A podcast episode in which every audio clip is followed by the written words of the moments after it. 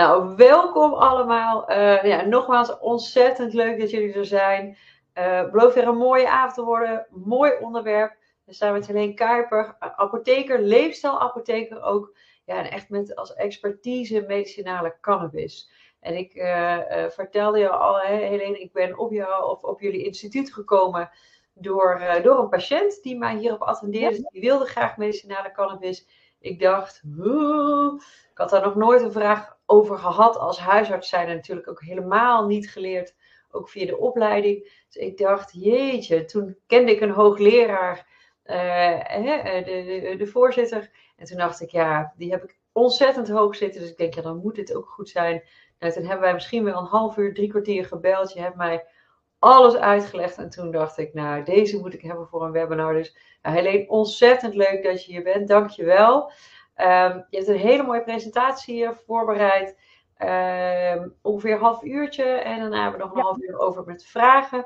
Even wat huishoudelijke mededelingen. De vragen komen privé binnen. Dat is vanwege de privacy. Dus wij zien ze wel, jullie zien ze niet. Dus je hoeft hem niet drie keer te sturen.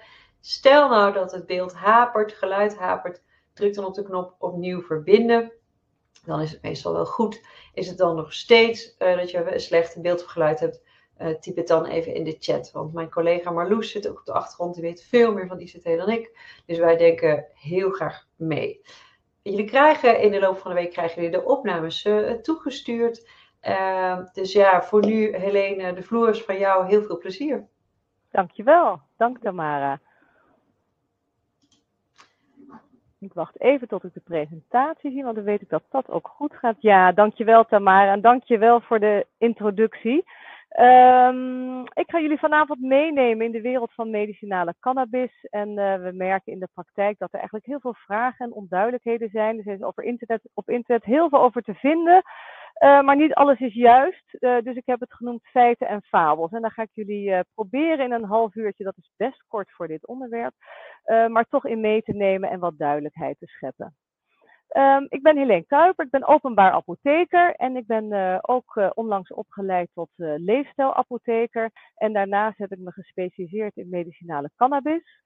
Um, en door die hoedanigheid ben ik eigenlijk in het IMC-bestuur gekomen. Dat is het Instituut Medicinale Cannabis. En dat is opgericht door bedrijven die met medicinale cannabis werken, maar ook door onderzoekers en artsen en apothekers uh, die daar een speciale interesse voor hebben. En binnen het uh, IMC-bestuur heb ik de voorlichting en educatie uh, gekregen als onderwerp. en daar past natuurlijk zo'n lezing als vanavond fantastisch goed bij. Dus ik ga mijn best doen en ik hoop dat jullie een, fijne avond hebben. En dat ik in ieder geval ook wat duidelijkheid kan scheppen, want dat is natuurlijk het, het doel. Uh, ik ga jullie iets vertellen over de cannabisplant, uh, hoe het aangrijpt. Uh, vervolgens zal ik vertellen waar het verkrijgbaar is. dan hoe het in Nederland ehm, is vormgegeven, het hele beleid rond medicinale cannabis.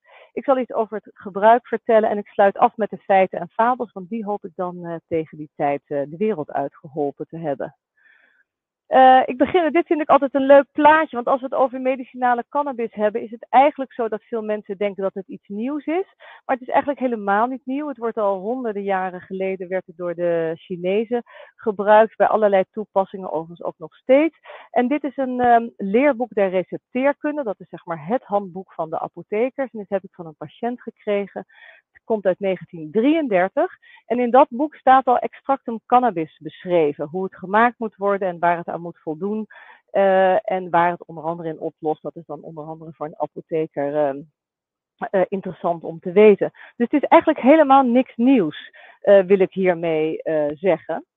Um, en ook wat we merken is dat er heel veel onduidelijkheid is over allerlei termen die gebruikt worden als het over cannabis gaat. Hennep en cannabis is een naam voor exact dezelfde plant. En ik zal straks nog even iets meer over het verschil uh, tussen hennep en uh, cannabis uh, vertellen. En wiet, marihuana en hashi zijn eigenlijk begrippen voor producten van die plant.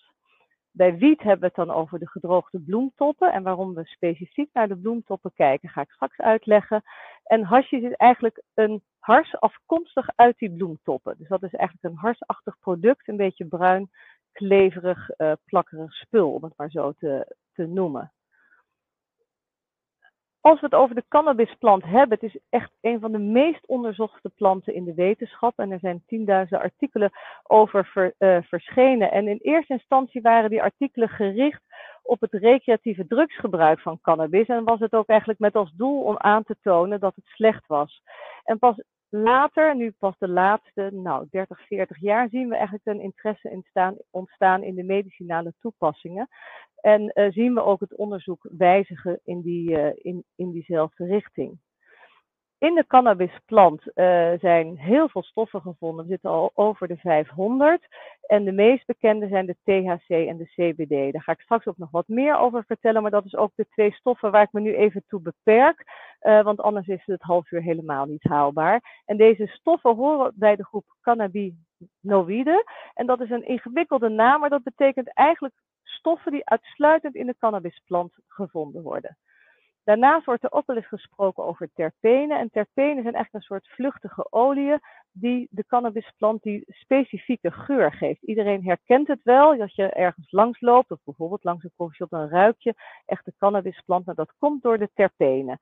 En elke cannabisplant heeft weer zo zijn eigen profieletje. Dus de ene ruikt net weer wat anders dan de andere. Um, het verschil tussen hennep en cannabis. Eigenlijk horen ze allebei tot dezelfde plantensoort. Alleen hennep is karakteristiek, bevat voornamelijk CBD en cannabis bevat THC en CBD. De toepassing van hennep zit in allerlei producten. Het wordt in voedsel gebruikt, het is een vezelproduct, het wordt uh, uh, in de bouw gebruikt, het is ook heel sterk. En als we kijken naar de cannabisplant waar THC en CBD in zit, zien we het gebruik als geneesmiddel in de apotheek. Daar kom ik uiteraard later ook nog even op terug. En als drugs, dus eigenlijk de cannabis in de koffieshop. En dan gaat het eigenlijk met name over de THC en dan is de CBD van ondergeschikt belang. Maar ook dat zal ik straks nog even uitleggen. Dit is even inzoomen. Het gaat hier helemaal niet om de, om de chemische structuren die hier aan de rechterkant staan. Maar het gaat eigenlijk linksboven. Uh, is een uh, stukje van de cannabisplant, de cannabisbloem ingezoomd. En als je daar even iets dichter op kijkt, zie je dat daar een soort witte nou ja, stekeltjes op zitten. En als je die weer uitvergroot, zie je dat uh, nou, een beetje glasachtig staafje met een bolletje erop. Dat heet een trigoom. En daarin zitten de cannabis noïden, die hier uh, allemaal genoemd zijn in die chemische structuur, waar THC en CBD eh, een voorbeeld van zijn, en de terpenen. En de concentratie van die trigomen is het hoogste in de bloemtoppen. En dat is waarom we eigenlijk ook altijd naar die bloemen kijken, want daar is gewoon de concentratie van de werkzame stoffen hoger dan in de andere gedeeltes van de plant. Daar zitten ze wel, maar in een veel lagere concentratie. Um, dit is ook een beetje een chemisch plaatje. Hier wordt eigenlijk de apotheker altijd ongelooflijk blij van. Uh, maar het is eigenlijk even om te laten zien dat de THC en de CBD zitten al in de zuurvorm in de plant. En er is een verhittingsstap nodig om naar de actieve vorm te gaan. De zuurvorm is de inactieve vorm. En er is verhitting nodig om naar de actieve vorm te gaan. En als we ook denken naar hoe cannabis gebruikt wordt, uh, is dat bijvoorbeeld uh, roken of thee maken of een cake van maken. En dat zijn allemaal verhittingsstappen om te komen tot de actieve vorm. Je kan je voorstellen, als je een product wil maken met cannabis en je doet de verhittingsstap niet goed, dan zou er een gedeelte inactief en actief in zitten. En dat is even belangrijk om te onthouden, want daar kom ik straks later nog eventjes op terug. Het cannabinoïde systeem, dus de cannabinoïden, die werden ontdekt. En uiteindelijk werd veel later pas ontdekt dat we ook deze stoffen in ons lichaam hebben. Er is een heel systeem in ons lichaam waarbij deze stoffen aangrijpen op receptoren. En dat zijn dan de cannabinoïdreceptoren. En dus eigenlijk allerlei werkingen in het lichaam hebben. Het is een vrij recent ontdekt systeem. En dat klopt ook, um, want we zien dat op de opleiding, en uh, Tamara die noemde het al even, wordt er eigenlijk nog weinig onderwijs uh, over gegeven. En we zien dan ook dat veel artsen eigenlijk gewoon nog niet zo goed weten hoe cannabis gebruikt moet worden, uh, omdat het in de opleiding nog weinig aandacht krijgt. De belangrijkste bestanddelen wil ik toch nog eventjes apart noemen. THC, dat is dus een afkorting van tetrahydrocannabinol. Het valt onder de opiumwet en dat betekent in de apotheek dat het uitsluitend op recept van een arts verstrekt mag worden. Het is psychoactief, je wordt er high van en dat is in bij de cannabis in de coffeeshop bijvoorbeeld het, de werking. Want men koopt het bij de coffeeshop om high van te worden. Dus de cannabis die daar gekocht wordt, heeft dus ook een heel hoog percentage THC. CBD, dat is cannabidiol, is vrij verkrijgbaar. Het valt niet onder de opiumwet. Het is ook niet psychoactief en het onderdrukt zelfs de psycho uh, psychoactieve effecten die THC heeft. Um, dus dat betekent dat bijvoorbeeld de cannabis in de coffeeshop bevat over het algemeen weinig CBD, want de werking is high worden en je wil niet dat er een stof bij zit die dat effect onderdrukt. We zien bij het medicinaal gebruik van cannabis dat er juist beide stoffen gebruikt worden. Dus een combinatie van THC en CBD en dan in verschillende concentraties. Dus heel veel THC en een beetje CBD of bijvoorbeeld half-half en heel veel CBD en weinig THC. Er zijn verschillende varianten, dat vertel ik straks ook nog iets over. Dit is om even te laten zien dat de cannabinoïden, die we ook in ons lichaam hebben, maar die we dus ook kunnen toedienen door het tot ons te nemen, grijpen aan op de CB1 en de CB2-receptoren. Dat is altijd een beetje farmacologisch gepraat eh, door apothekers. Maar dat betekent dat ze een effect hebben op het lichaam. En afhankelijk van waar die receptoren zitten, uitzicht de werking. En de CB1-receptoren, daar is met name waar THC op werkt, die komen voornamelijk in de hersenen voor. En die hebben een effect op de pijn, of de pijnperceptie. Ze hebben een effect op uh, motorische uh, acties die het lichaam doet. En op de eetlust is ook een, ook een bekende werking. En CBD heeft eigenlijk meer een effect op de CB2-receptoren. En die zitten meer wat we, wat we dan noemen perifeer, maar die zitten zeg maar rond de organen en de cellen die bij het immuunsysteem betrokken zijn. Dus we zeggen dat dat de werking van CB2 eigenlijk een beetje ontstekingsremmend is, om het even allemaal samen te vatten.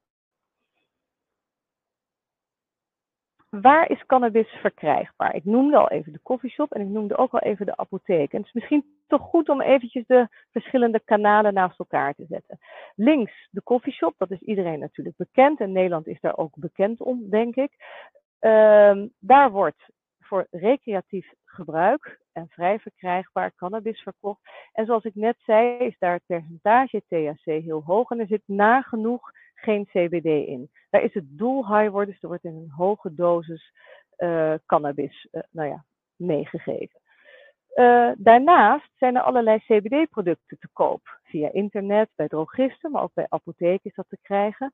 En dat mag uitsluitend CBD bevatten. Daar mag geen THC in zitten. Het is, wordt verkocht als een voedingssupplement. Het is vrij verkrijgbaar.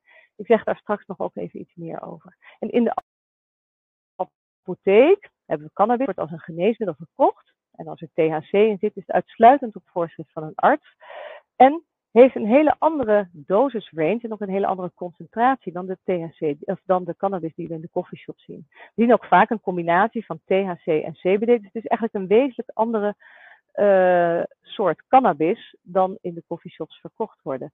Het doel van het gebruik van het medicinale gebruik van cannabis is ook niet zozeer om high te worden, zelfs helemaal niet. Het is een bijwerking. En de dosering is ook veel lager bij medicinaal gebruik. Dus het is een bijwerking die weinig voorkomt. Um, en, zeker als er met een lage dosering gestart wordt, zien we die uh, bijwerking ook nauwelijks optreden. Dus de dosisrange is heel anders. Als je even op internet zoekt en je typt wietolie of cannabisolie of uh, CBD-olie of THC-olie, dan verschijnen er allerlei producten. Het gaat me niet om de producten aan zich, maar ik wil eigenlijk even laten zien dat er heel veel soorten op de markt zijn. Er zitten heel veel verschillen tussen. Er zijn een heleboel verschillende concentraties en er zijn ook heel veel verschillende prijzen. En het valt onder de ware de voedingssupplementen. En dat betekent dat er niet vooraf controle is, zoals dat bijvoorbeeld bij geneesmiddelen zo is, waarbij elke batch moet worden vrijgegeven als bijvoorbeeld een gehalte is vastgesteld. En een onderzoeker heeft dat in 2017 onderzocht. Uh, Arno Hazekamp en heeft hierover gepubliceerd in het Farmaceutisch Weekblad. En wat heeft hij gedaan? Hij heeft 46 flesjes CBD-olie gekocht. Uh, bij allerlei winkels, maar ook bij mensen die dat zelf maakten, online. Nou, via allerlei kanalen heeft hij dat gekocht. En hij heeft van deze flesjes, die 46 flesjes, heeft hij het CBD-gehalte bepaald en het THC-gehalte. Zoals ik net zei, als het vrij verkrijgbaar is, mag er geen THC in, in zitten volgens de regelgeving. En als je naar deze uh, staafdiagrammetjes kijkt, zijn de paarse balkjes het gehalte CBD wat in deze flesjes werd gevonden. En zeer verontrustend vind ik zelf dat er een flink aantal flesjes zijn waar geen CBD in zit. Dus mensen hebben een CBD-olie gekocht, maar bij analyse blijkt dat dat er gewoon niet in zit. En nog verontrustender vind ik zelf als apotheker, is dat er ook dus flesjes waren waar, die verkocht worden als CBD-olie en waar hoge percentages THC worden gevonden. En ik laat dit plaatje eigenlijk zien om aan te tonen dat er dus van alles op de markt is. En dat het dus heel raadzaam is om even goed te kijken wat zit er in die verpakking en wat is de bron. Is het een betrouwbaar product wat er gekocht wordt? En hoe is het met de medicinale cannabis in ons land? En minister Els Borst heeft in 1999 de medicinale cannabis geaccepteerd. Dat heeft geresulteerd in de oprichting van het Bureau Medicinale Cannabis. Dat is een overheidsorgaan. Die heeft een teler aangewezen en die teelt uh, cannabis, ja, onder GMP noemen we dat. En dat is een afkorting van Good Manufacturing Practice. En dat is het hoogste kwaliteitsniveau waaronder geneesmiddelen gemaakt worden. Dus dat betekent dat deze cannabis een vast gehalte heeft, elke keer exact hetzelfde, maar dat er ook geen bestrijdingsmiddelen, zware metalen of andere verontreinigingen in zitten. Dit is een aantal jaren gebruikt en met de tijd kwam eigenlijk het inzicht dat er ook behoefte was aan olie. En sinds 2015 zijn er een aantal apotheken in Nederland die van de cannabis van de overheid olie maken, omdat dat voor een aantal patiënten een makkelijker toedieningsvorm was. En ik zeg straks ook nog even iets over de verschillen tussen de verschillende toedieningsvormen die er zijn. Nog even terug naar de cannabis van Bureau Medicinale Cannabis, dus het overheidsorgaan wat de cannabis in Nederland op de markt brengt. Dat zijn vijf soorten en die verschillen in gehaltes THC en CBD. En zoals in dit plaatje blijkt, bijvoorbeeld de bovenste, de Dedro Light, er is een heel laag percentage THC zit erin en een hoger percentage CBD. En de onderste, de Dedro Can, heeft een hoog percentage THC en weer een laag percentage CBD. Termen die we ook vaak bij cannabis horen zijn sativa en indica. En dat is, we weten nog niet precies hoe dat ontstaat. We vermoeden dat dat heeft te maken met de samenstelling van de terpenen. Maar sativa betekent een, dat de cannabis een uh, opwekkend effect heeft. En indica is dat het meer een rustgevend effect heeft. En daar, op basis daarvan zou je dus ook een keuze kunnen maken als een, uh, een arts bijvoorbeeld een bepaald product kiest. Dit is even om te laten zien dat in de apotheek, uh, in de drie apotheken in Nederland, die van de cannabis van de overheid olie maken, dat het onder gecontroleerde omstandigheden gaat. En dat wordt ook elke keer, bij elke batch die er gemaakt wordt, wordt er een gehalte bepaald en wordt er gekeken of dat klopt binnen de specificaties. Maar er wordt ook gekeken of er geen verontreinigingen of andere stoffen in zitten die er niet in thuis horen. Het is, valt echt onder de geneesmiddelen. Um, en wat is de status van medicinale cannabis? Uh, want dat is niet altijd duidelijk en dat is ook voor artsen, maar ook voor patiënten niet altijd even duidelijk. Het is geen geregistreerd geneesmiddel. Er is wel een geneesmiddel geregistreerd op basis van cannabis, maar dat is in Nederland niet te krijgen. Er is onlangs een ander geneesmiddel wel geregistreerd op basis van cannabis. Epidiolex is dat, maar dat wordt voor een hele kleine beperkte indicatie uh, toegepast. Dat is bij epilepsie bij, uh, bij kinderen. Dat betekent, omdat medicinale, geen, medicinale cannabis geen geregistreerd geneesmiddel is, dat het eigenlijk pas ingezet mag worden als de gangbare behandelingen niet kunnen, omdat ze bijvoorbeeld onvoldoende werken of te veel bijwerkingen geven. Dus een arts zal altijd bij een bepaalde aandoening de richtlijnen volgen die daarvoor zijn. En op het moment dat die richtlijnen, alle geneesmiddelen uit die richtlijnen geprobeerd zijn, dan pas kan er uitgeweken worden naar, naar cannabis. Dosering en gebruik, daar zijn ook veel vragen over. We zien een hele grote variatie in de uiteindelijk effectieve dosis. En we vermoeden dat dat te maken heeft met de, uh, de werking van de leverenzymen, waardoor cannabis bij de ene persoon wellicht wat sneller omgezet wordt dan bij de andere persoon. We weten het nog niet helemaal zeker. Maar omdat van tevoren niet vaststaat of degene die het gaat gebruiken heel veel nodig heeft of heel weinig nodig heeft, is het advies altijd om laag te beginnen en heel langzaam op te hogen. Dus het kan soms wel tot twee, drie weken duren totdat de effectieve dosis is gevonden. Dus geduld is echt een belangrijk ding bij het gebruik van cannabis. Als we dan kijken naar de olie, zien we dat de druppels worden onder de tong gedruppeld. De dosering is vaak 1 tot 3 maal per dag in druppel.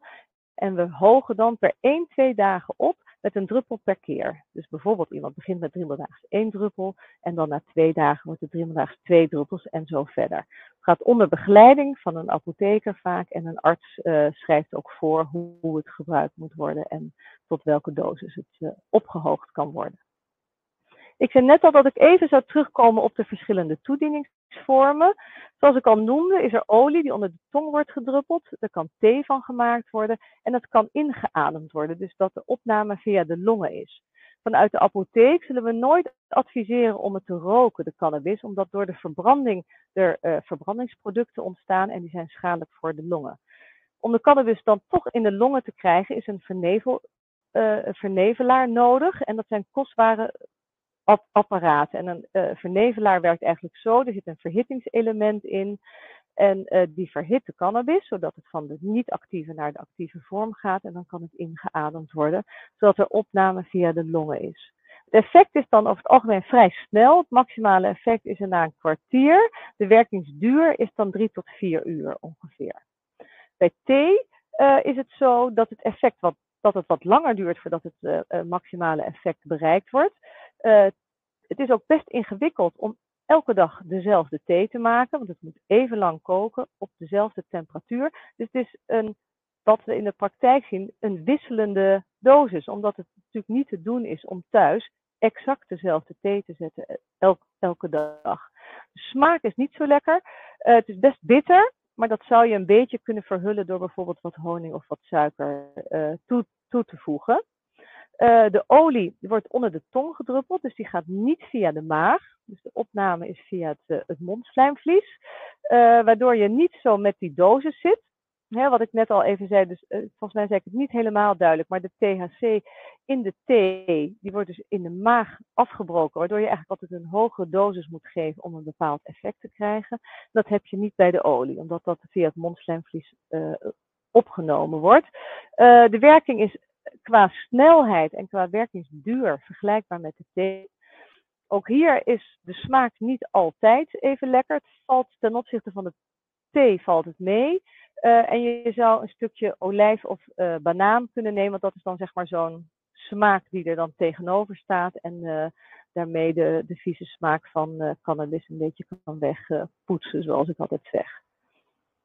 Um, dit is mijn collega Lonneke van der Meijden. Uh, ook gespecialiseerd heeft zij zich in medicinale cannabis. En zij heeft voor apotheek.nl, wat een website uh, nou ja, opgezet door apothekers is. En daar staat altijd heel veel interessante informatie over het gebruik van geneesmiddelen. Over eigenlijk alle geneesmiddelen die in Nederland op de markt zijn. Maar ook over cannabis. Dus als jullie na dit half uurtje nog meer hierover willen weten, is een uh, absolute aanrader om even op apotheek.nl te kijken. En tik gewoon cannabis in en je kan dit filmpje kijken. Maar er staat ook allerlei informatie over hoe het gebruikt kan worden, uh, wat de adviezen zijn, wat je moet doen als je een dosis vergeten bent. Nou, ik noem maar even een paar dingen die daarin staan. Dus absoluut een bron uh, om even te bekijken. Wanneer mag het nou absoluut niet gebruikt worden? Of wanneer zijn we echt voorzichtig? Bij jeugdigen, dus adolescenten is daar een mooie woord voor, maar daarmee bedoelen we eigenlijk jeugd tot en met 24 jaar ongeveer. Omdat eigenlijk niet helemaal bekend is wat uh, de cannabis op de hersenen doet in die leeftijd. En om die reden zijn we daar heel erg, uh, heel erg terug, terughoudend mee. Als iemand bekend is met verslaving aan cannabis in het verleden, dan zijn we toch wat terughoudend. En eigenlijk met verslaving in het algemeen, want dan moet je gewoon oppassen met het gebruik van cannabis.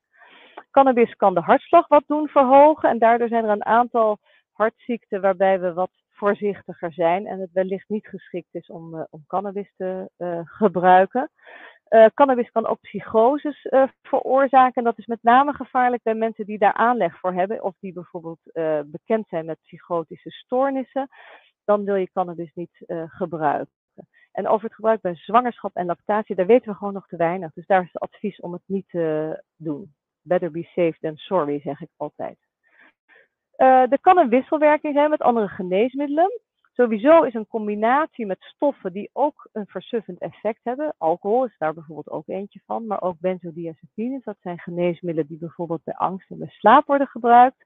of de geneesmiddelen die, die tot de opiaten horen, morfine is daar een voorbeeld van, dan is, zou er een wisselwerking kunnen zijn omdat het versuffende effect versterkt kan worden. Ook zijn er bepaalde geneesmiddelen, en dat legt altijd probeer ik eenvoudig uit te leggen door te vertellen dat ze dezelfde route door de lever lopen. En op het moment dat een geneesmiddel en cannabis door datzelfde routetje in de lever gaan, kan het gebeuren dat de cannabis juist sneller wordt omgezet of langzamer omgezet wordt. En afhankelijk van het effect zou je dus een sneller of een hogere dosis van cannabis kunnen krijgen in het bloed, uh, of juist een lage. Dus dat is iets waar een apotheker bij kan helpen. En uh, ook in meedenken als dat het geval is, dan kan een uh, apotheker een advies geven om juist wellicht een hogere dosis of een lage dosis, of juist liever helemaal geen cannabis te gebruiken. Bijwerkingen, dat zijn ook veel vragen die we krijgen. Uh, in Nederland hebben we het bijwerkingencentrum LAREP. Die verzamelt uh, bijwerkingen eigenlijk van alle geneesmiddelen die in Nederland op de markt zijn. En die verzamelen ook de bijwerkingen die bij cannabis worden gezien. Nou, het high-gevoel, daar hebben we het al eerder vanavond over gehad. Dat is een bijwerking die kan optreden. We zien hem echt weinig als we maar goed laag genoeg starten en heel langzaam de dosis, dosis op, opbouwen. Uh, ook zien we ja, loomheid, honger, intensere beleving van kleuren bijvoorbeeld. Uh, en een verlies van gevoel, en, uh, gevoel voor tijd en plaats. mochten deze bijwerkingen optreden, dan is dat ook een effect wat meestal na tussen de 1 en 3 uur over is. Dus het is niet iets wat langer aanhoudt. Op het moment dat de spiegel van de cannabis eigenlijk daalt, zien we deze bijwerkingen ook minder worden. Uh, we zien bij ouderen ook wel eens een uh, sombere stemming of een gevoel van angst. Uh, heel nou ja, niet grappig eigenlijk, maar het is heel wisselend. Bij de ene ouderen uh, werkt het juist heel erg goed en bij de andere gebeurt het. Dat was op voorhand niet helemaal te zeggen. Het kan, uh, cannabis kan ook psychische klachten verergeren. Nou heb ik het net al even genoemd. Dus als iemand gevoelig is voor psychoses, uh, een waandenkbeelden, dan moeten we toch een beetje oppassen. En het kan in sommige gevallen ook rusteloosheid en slapeloosheid geven. Uh, de prijs wordt ook heel vaak genoemd. En uh, heel veel mensen die ik spreek, die denken dat cannabis in de apotheek toch echt heel veel duurder is dan in de koffieshop. Uh, maar ik heb gegoogeld en als je dan naar de prijs van cannabis in de koffieshop kijkt, is dat ongeveer 50 euro voor 5 gram. En in de apotheek is dat 34,50 euro. Dit is eigenlijk dus een fabel dat cannabis in de apotheek duurder zou zijn in de koffieshop. Um, en ik zeg altijd als apotheker, als je een medische aandoening hebt, moet je het ook met een farmaceutisch product behandelen. Uh, en dat is een product wat altijd dezelfde sterkte heeft en geen uh, verontreinigingen heeft. Dus dan hoor je eigenlijk ook bij de apotheek thuis. Het wordt natuurlijk in beide gevallen niet vergoed. Dat zal natuurlijk geen grote verrassing zijn. Uh, en het is misschien wel goed om nog te melden dat ehm, met een bon van de apotheek voor de medicinale cannabis, die kan ingediend worden als bijzondere zorgkosten bij de belastingaangifte. Dus wellicht komt er dan toch nog een klein deeltje terug. Uh, verslavend, dat hoor ik ook vaak, dat cannabis verslavend zou zijn. En hiernaast staat een, plaatje, een plaatje uit de Lancet van 2007. En daar staan de tien meest uh, verslavende drugs op. Um, die we in de wereld kennen eigenlijk. En daar staan natuurlijk dingen op die we ons allemaal zo kunnen voorstellen. Dus methadon, cocaïne, ook alcohol staat erbij. En weer die benzodiazepines, dat zijn dus de geneesmiddelen die bij slaap en bij angst worden gebruikt. Maar cannabis staat hier niet tussen. Dus eigenlijk is het zo dat als iemand verslavingsgevoelig is, dan moet je oppassen. Maar dan moet je ook met alcohol oppassen. Ook met slaapmiddelen moet je oppassen. En ook met chocola bijvoorbeeld. Maar als iemand niet verslavingsgevoelig is, is er geen reden om aan te nemen dat cannabis ook direct verslavend zou, zou zijn. Dus daar hoeven we niet zozeer bang voor, voor te zijn. Ook zijn er veel vragen of je nou met cannabis de auto in mag. Als je incidenteel cannabis gebruikt, dan zou je na 15 uur na het gebruik de auto weer in mogen stappen. als je het chronisch gebruikt, moet je de eerste twee weken een beetje oppassen. als er bijwerkingen zijn, vooral niet de auto instappen. Maar daarna zou je gewoon aan het verkeer mogen deelnemen. Daarnaast is er een andere regelgeving dat als iemand bij een ongeval betrokken raakt, dat ze een speekseltest kunnen doen. En in die speekseltest kan cannabis gevonden worden. En de detectiegrens is heel laag. Dus hè, er is maar een klein beetje cannabis nodig om die test positief te laten zijn. En dan ben je feitelijk strafbaar. Gelukkig is de, zijn de, de, de regels uh, onlangs aangepast. En dat betekent dat op het moment dat er een positieve speekseltest is en iemand kan aantonen dat de cannabis gebruikt wordt, voorgeschreven door een arts en geleverd door de apotheek, dat het Openbaar Ministerie niet tot vervolging overgaat. Hierbij moet wel natuurlijk gezegd worden dat er, dan alleen de medicinale cannabis gebruikt moet worden en ook niet nog daarnaast cannabis bijvoorbeeld uit een coffeeshop. Want de voorgeschreven dosering moet wel overeenkomen met het gehalte wat er uiteindelijk in het bloed gevonden wordt. Ook mag het niet dan tegelijkertijd bijvoorbeeld samen met drank gebruikt worden. En dan cannabis op reis. Pas daarmee op, is mijn advies altijd. Wonende in een Schengenland moet er een verklaring aangevraagd worden, zeker als er THC in zit. Uh, en als het niet een Schengenland is, dan is het belangrijk om in ieder geval met de ambassade of consulaat contact op te nemen. Als er geen THC in zit en alleen CBD, is het geen opiumwetmiddel en zou het dus zo meegenomen mogen worden. We zien alleen dat niet elk land cannabis hetzelfde behandelt. Dus in Nederland valt THC onder de opiumwet en CBD niet, maar er zijn landen waar alle werkzame stoffen uit de cannabis wel tot de opiumwet horen. En Thailand is daar bijvoorbeeld een voorbeeld van. Als je CBD-olie meeneemt naar uh, Thailand, dan kan je alsnog opgepakt worden. Dus wees er ongelooflijk voorzichtig mee en bereid je, hè, als je het chronisch gebruikt en het moet echt mee op reis, bereid je goed voor en laat je even voorlichten door een ambassade of consulaat of kijk op de website van het CAK nader ik het einde en ik zie ook dat ik richting de 35 minuten ga, dus dat gaat eigenlijk helemaal mooi op tijd. Uh, ik hoop wat feiten en fabels besproken te hebben en eigenlijk in een soort vogelvlucht jullie even meegenomen te hebben in de wereld van medicinale cannabis. Verkrijgbaarheid, ik noemde het al, bij de apotheek, maar ook op andere plaatsen in Nederland. Er zit een wezenlijk verschil tussen, alleen al de kwaliteit. De inhoud, we kijken naar de werkzame stoffen, de THC en de CBD en ook de verhoudingen die die twee hebben. Medicinale cannabis is getest en gehalte wordt bepaald en er zit geen vervuiling in. En bij de cannabis uit de koffieshop, wat voor recreatief gebruik niet erg is, maar wel voor medicinaal, cannabis van de koffieshop mag legaal verkocht worden, maar de teelt is illegaal. Dat betekent dat er op de teelt geen controle is. Daar kan van alles gebruikt worden. En er kan ook van alles in die cannabis zitten wat we niet weten. De dosering, de dosering bij medicinaal gebruik is echt heel erg laag. We beginnen laag, maar we zitten in een hele andere dosisrange dan de cannabis die gebruikt wordt om high van te worden. Niet roken als apotheker, niet doen, want daardoor ontstaan er verbrandingsproducten die we niet in de longen willen hebben. Het is niet duurder dan de andere cannabis die vrij verkrijgbaar is. Het risico op verslaving is niet heel groot en pas op als cannabis mee op reis genomen wordt. En mijn laatste sheet. Even drie punten die belangrijk zijn. Samenstelling, Sativa indica, wat ik al even noemde, opwekkend en rustgevend. THC en CBD, de twee werkzame stoffen waar we naar kijken. In de behandeling, het is geen geregistreerd geneesmiddel. En dat betekent dat het ook dus nog niet in richtlijnen staat. En misschien is het ook goed om te zeggen dat cannabis wordt alleen ingezet voor symptoombestrijding. En we zien op internet heel veel verkeerde verhalen over dat cannabis uh, kanker zou genezen. En dat idee kan ik echt de wereld uithelpen. Dat, daar is het bewijs gewoon nog niet goed genoeg voor.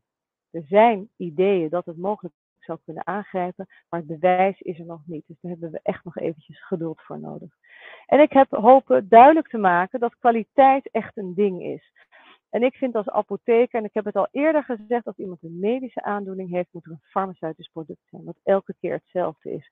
En ik noem als voorbeeld altijd, stel dat je paracetamol zou kopen, 500 milligram, en als er de ene keer, nou, 250 milligram in zit, of dan 375, of de andere keer weer 500 milligram, dan weet je niet wat je aan het doen bent. Moet je één tablet, twee tabletten nemen, kan je ook niet goed begeleid worden.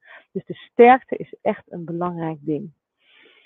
Ik ben aan het eind van mijn verhaal en ik ben benieuwd of er nog vragen zijn.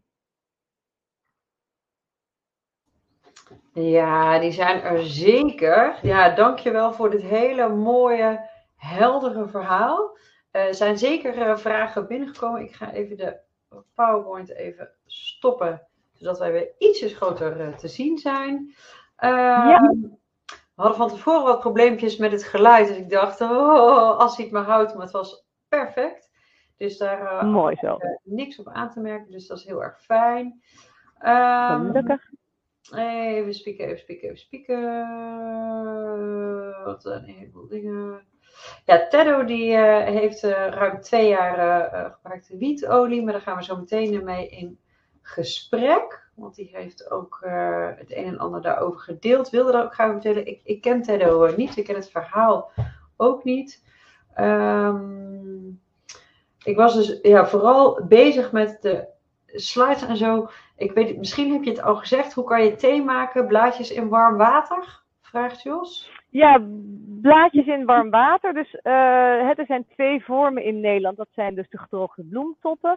En er is ook een andere vorm dat het tot granulaat gemaakt is. Dat is eigenlijk gewoon de fijn gemalen bloem. Uh, en dat moet je 15 minuten koken. In ja, wat water. En de, de verhoudingen weet ik zo niet uit mijn hoofd. Maar dat wordt duidelijk uitgelegd op het moment dat dat door de apotheek geleverd wordt. Uh, het is dan eigenlijk één dag houdbaar, mogelijk nog een tweede dag. Als je een klein beetje melkpoeder in doet, is het grappig genoeg wel drie dagen houdbaar. Het moet wel in de koelkast bewaard worden.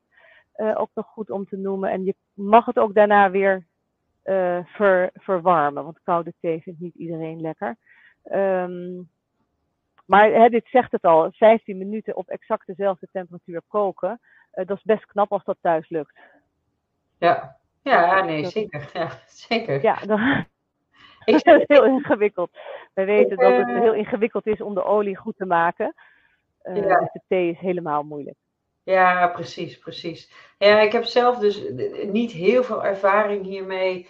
Uh, maar ik heb twee patiënten uh, die het gebruiken. En die gebruiken allebei olie en die zijn daar heel tevreden over. Dus ik ken de andere ja. vormen, ken ik ook niet zo heel erg goed hoor. Moet ik ook heel ja. eerlijk zeggen. Ja. Uh, Als apotheker ja. ben ik, ja, dat schemert misschien al wellicht een beetje door, niet echt een fan van de thee, omdat dat gewoon echt heel moeilijk is om dat goed te doen.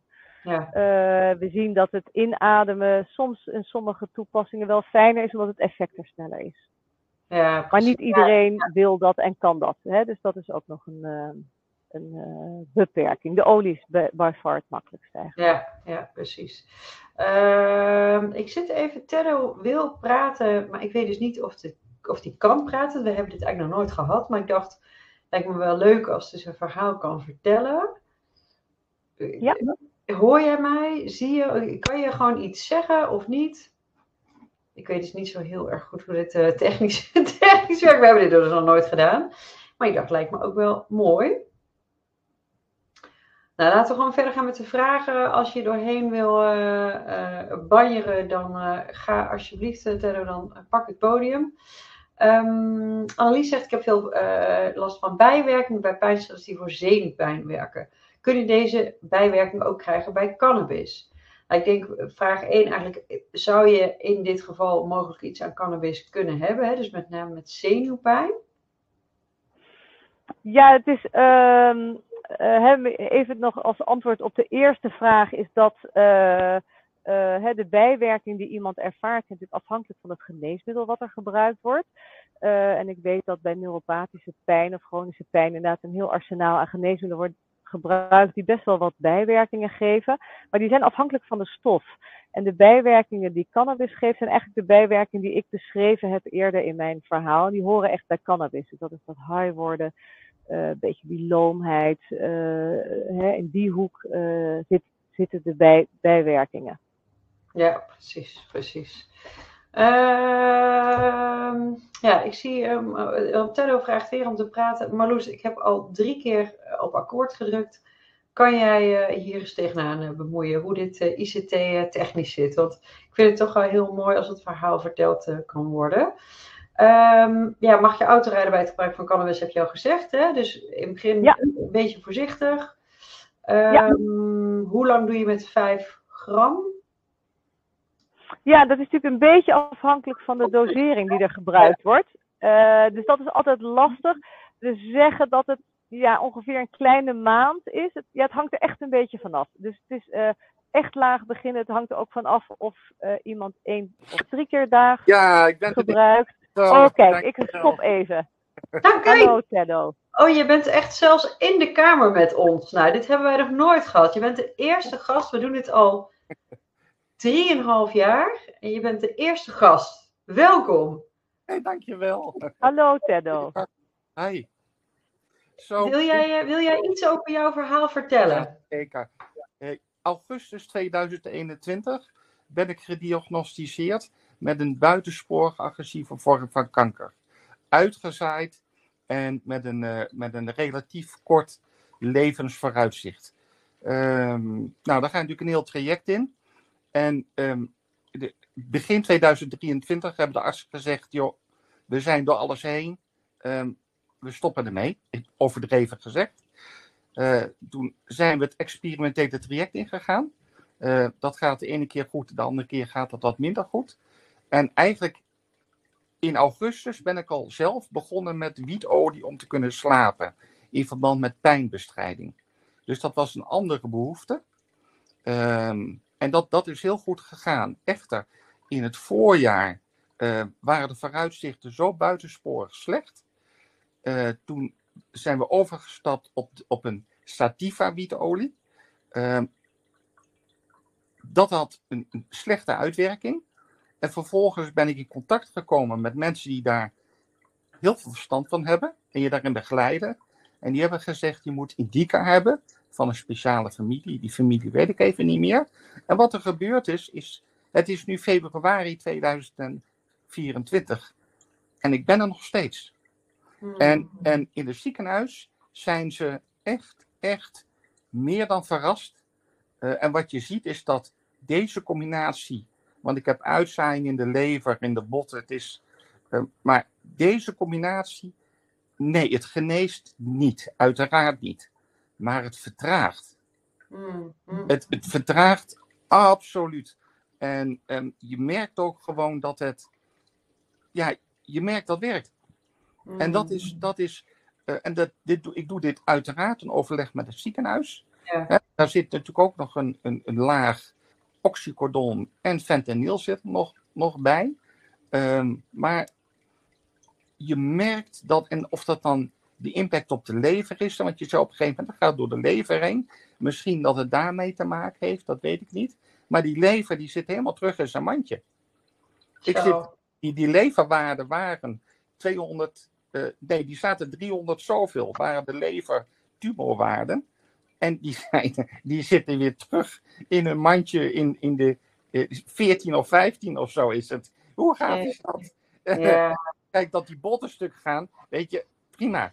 Maar die lever, dat, dat is natuurlijk een enorme. dat is natuurlijk wel een, een, een showstopper. En ja. klop even af, maar sinds, uh, sinds november hebben we dit uh, verschrikkelijk goed onder controle. Ja. Oh, wat fantastisch voor je zeg. Alleen, ja, alleen. Mooi om te horen, ja. Ja, maar belangrijk is wel. En ik, je hebt me wel getriggerd trouwens hoor, want dit is gegroeid via een andere leverancier omdat die mensen daar heel veel verstand van hebben. Um, maar dat gaat natuurlijk via een ander circuit. Um, en absoluut niet via de koffieshop. Maar je hebt het toch getriggerd als het gaat om de uh, medische, via de apotheek. Ja. Uh, ja. Ik heb dat zelf altijd een beetje ja, afgehouden. Omdat, het, ja. omdat dat. Ja, ja dat, dat is zo gegroeid. Maar de, ik denk wel dat het wijs is om misschien die richting op te gaan. Um, maar dus heel belangrijk is, je hebt de sativa en de indica. Dat zijn twee totaal verschillende uh, families. En de ja. een ja. doet wat je waar zou willen, de ander doet wat anders. In mijn geval is indica voor, voor, de, voor de, de ziekte die ik heb en voor het zoveel mogelijk proberen te rekken van het, uh, uh, van het leven, zeg maar is indica de juiste keus. Maar voor iemand anders kan dat weer wat anders zijn. Ja, ja. ja. De arts Mag ik nog wat toevoegen? Want... niet op de hoogte daarvan. Ja, ik denk dat het eh, ja, heel mooi om te horen dat het deze, deze uitwerking heeft. Ik denk dat het goed is om toe te voegen, want het is natuurlijk ook niet bekend hè, wat de samenstelling exact is, vermoed ik. Hè? Dus THC en CBD, dat speelt nee, ook zeker 100, een rol. Dit is 100% THC, want ik heb okay. CBD, de combinatie werkt niet uh, bij mij. Um, dus ja. het gaat puur om THC. Ik neem het alleen maar voor het slapen gaan vijf druppeltjes onder de tong. En dan heb, ik, heb ik en een nachtrust, maar ik merk gewoon, want daar was het eerst om te doen, maar ik merk gewoon dat het, dat het verdraagt. Ja, ja. en, en het is zo leuk. Ja, als ik terugkom bij dagcentrum oncologie, dan staan ze kijken. Hoe is dat is een wondertje. Ja. Ja. ja. ja. Dat, en, mooi. En ik, wijs dat, ik wijs dat natuurlijk niet alleen toe aan, aan, aan, de, aan de wietolie, maar ja, je ziet een significant, significant verschil naar overschakeling van, uh, uh, naar de indica. En de familie, ik ben hem even kwijt. Uh, of het, het, het, bloemetje wat ze gebruiken. Maar er is over nagedacht. En, en die kennis is wel cruciaal. Ja, Want anders nou, ik denk wat je, zelf ook al, uh, wat je zelf ook al zei, Tero, hè, dus in de chat, maar goed, die zit de rest natuurlijk uh, niet, is uh, ja, niet via de koffieshop, niet zo gaan van allerlei dingen gewoon, dat je doet dit echt begeleid, bespreek het met je arts. En ik denk, nou ja, dat, het is natuurlijk een fantastisch verhaal en ja, ik, uh, ik hoop dat jij nog, uh, nog vele winters en lentes uh, mee mag maken. en dat je erbij aankomt bij de oncologie. Ja. Hallo 2025. Precies. 2023 mee. De missie is hallo 2024. Nou, dat, dat zag er niet naar Mooi streven. geweldig, geweldig. Nou, we hopen nog veel van je te zien en te horen, Tado. Maar, ja, dank voor het delen. Dus nee, het geneest niet, uiteraard niet. Maar in de juiste keuze, in de juiste samenstelling, voor hetgeen wat je wil, met de juiste kennis, kan, kan, kan, hè? Hoeft niet. Ja. Kan het helpen. En, ja. en, en ik denk dat, hè, ik, vanuit oncologie zitten ze daar misschien natuurlijk wat anders in. Maar ik, ik denk dat de medische wereld echt wel weer geholpen is met sorry dat ik het zeg, met, met wietolie in specifieke gevallen. Want uh, als ik, wat je zag, je zei ook wel die slaapmiddelen, die bendes die ben zo, uh, ik ben de naam even Maar, ja. dat, maar dat wil, als je, zeg nou eerder sorry, maar dat wil je toch niet? Nee, Doe, ik, ik, niet. Nou, ik bedoel, ik bedoel, ja. nee, maar, ja. Misschien is het nog goed, uh, sorry dat ik je onderbreek, uh, Teddo.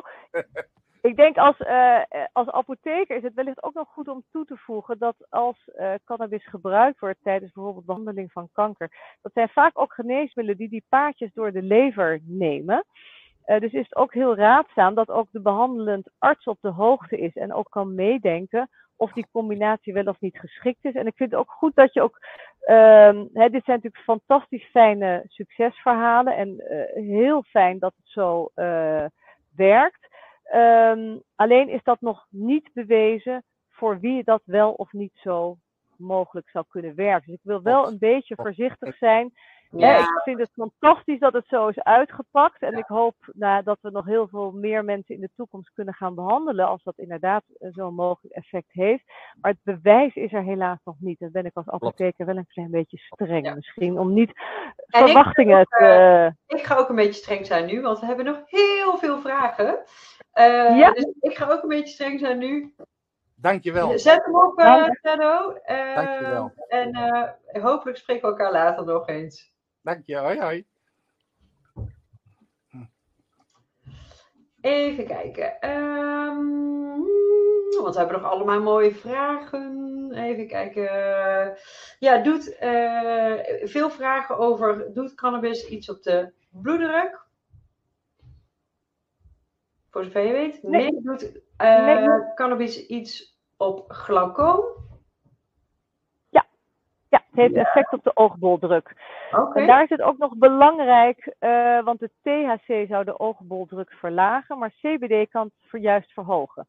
Dus het is echt raadzaam om, uh, nou ja, als er last, iemand last heeft van glaucoom, om ja. echt even te bekijken en in overleg met de oogarts daar een uh, keuze in, in, te maken. Nou ja, dus ook niet zelf, uh, ik denk eigenlijk een overleg met jullie. Ik denk dat de ja. oogarts dit echt niet weet. En dat vind ik ook nee. het mooie, hè? als je kijkt op jullie website. Uh, ja, je kan heel laagdrempelig even contact met jullie opnemen. Ja. Dus ik, ik, ik zou vooral zou ik eventjes met, met jullie contact op, opnemen. ja. Ehm, heeft het een werking op de ziekte van Alzheimer? Dat is een van de vormen van dementie. Ja, er wordt heel veel onderzoek naar gedaan en ook daar zijn we nog niet helemaal uit. Dus het zou mogelijk wel effect kunnen hebben. We weten het nog niet helemaal zeker, helaas. Dus dat is echt nog een uh, toepassing. Uh, um, die, uh, het heeft wel effecten op stemming, dus vanuit die gedachte zou het wel wat kunnen doen. maar daar is de bewijslast, hè, zoals bij veel dingen met cannabis, is de bewijslast gewoon nog niet heel goed. Ja. Uh, misschien is dat ook nog, mag ik dat misschien ook nog even toelichten, want we krijgen daar best veel vragen over. Uh, waarom is die uh, bewijslast nou zo mager? Hè? het wetenschappelijke bewijs. Dat is omdat cannabis al heel lang bestaat. En in het algemeen worden onderzoeken naar geneesmiddelen, nieuwe geneesmiddelen, gedaan door de farma-industrie, die dan een patent, een patent kunnen aanvragen. En dat kan bij cannabis niet omdat die stof al heel lang bestaat en ook niet nieuw is. Dat is de reden waarom het in een ander, zich in een ander veld bevindt, zeg maar, om het maar zo te noemen. En het bewijs ook uh, voor heel veel indicaties nog niet duidelijk is. Helder. Um, even kijken. slaap hebben we het ook al wel echt al over gehad, hè? Uh, iemand zegt, ja, ik wilde dat ik deze informatie eerder had gehad. Uh, heb even kijken, twee jaar geleden heb ik medicinale cannabis gebruikt in pijn, maar een hele lange weg.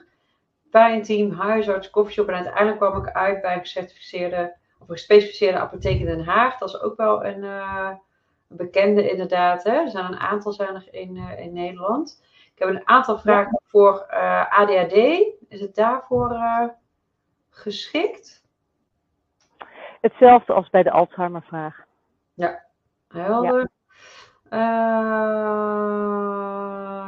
ja, misschien goed om te zeggen, er zijn zeg maar twee geneesmiddelen geregistreerd op basis van cannabis. Dus dat betekent dat het van bepaalde toepassing uh, het geneesmiddel op de markt is gebracht. En Epidiolex noemde ik al eventjes voor epilepsie bij kinderen. Speciale, specifieke vormen. Echt een hele bijzondere epilepsievorm.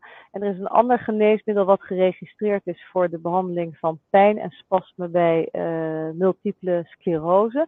Maar dat geneesmiddel is in Nederland niet te krijgen. Dus dat is uh, niet, niet op de markt, maar wel geregistreerd daarvoor.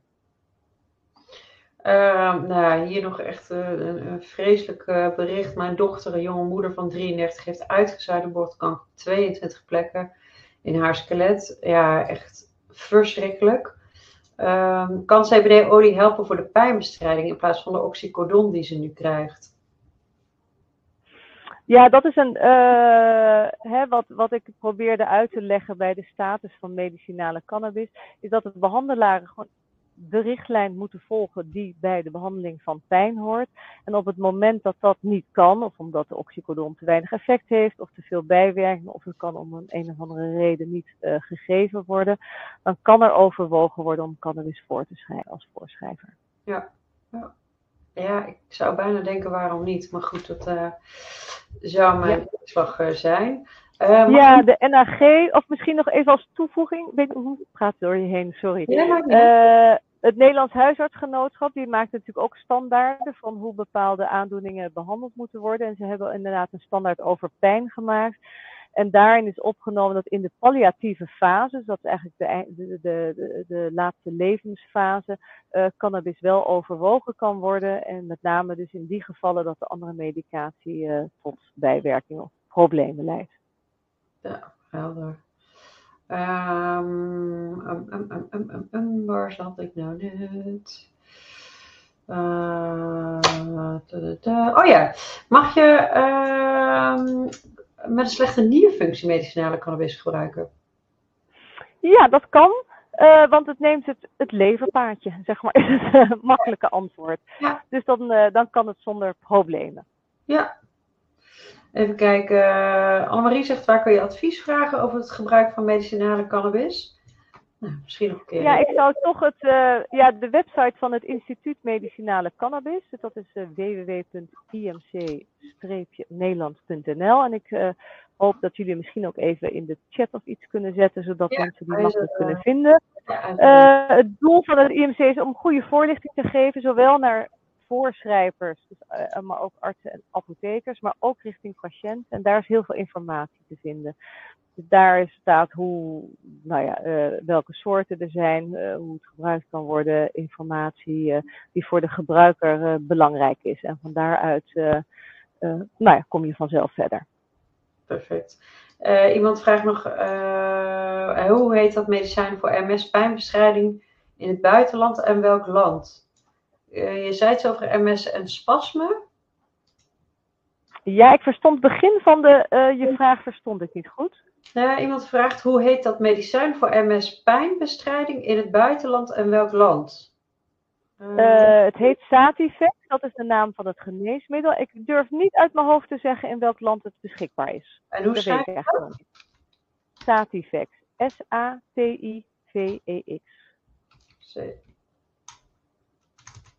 C-E-X. Even kijken. Um, ja, dan hebben wij denk ik wel bijna alles. Ah, iemand zegt, waarom werkt blowen wel op rustig worden bij ADD en medicinaal niet? Wat is het verschil? Uh, het kan een dosisverhaal zijn. Hè? Wat ik al eerder vertelde, is dat de, de, de samenstelling van de cannabis bij de coffeeshop echt wezenlijk anders is dan die van de medicinale cannabis. Dus het zit vaak heel hoog in de THC. Dus wellicht moet er naar een andere uh, vorm geswitcht worden en moet een dosis aangepast worden. Want dat vermoed ik eigenlijk. Ja, ja precies. Uh,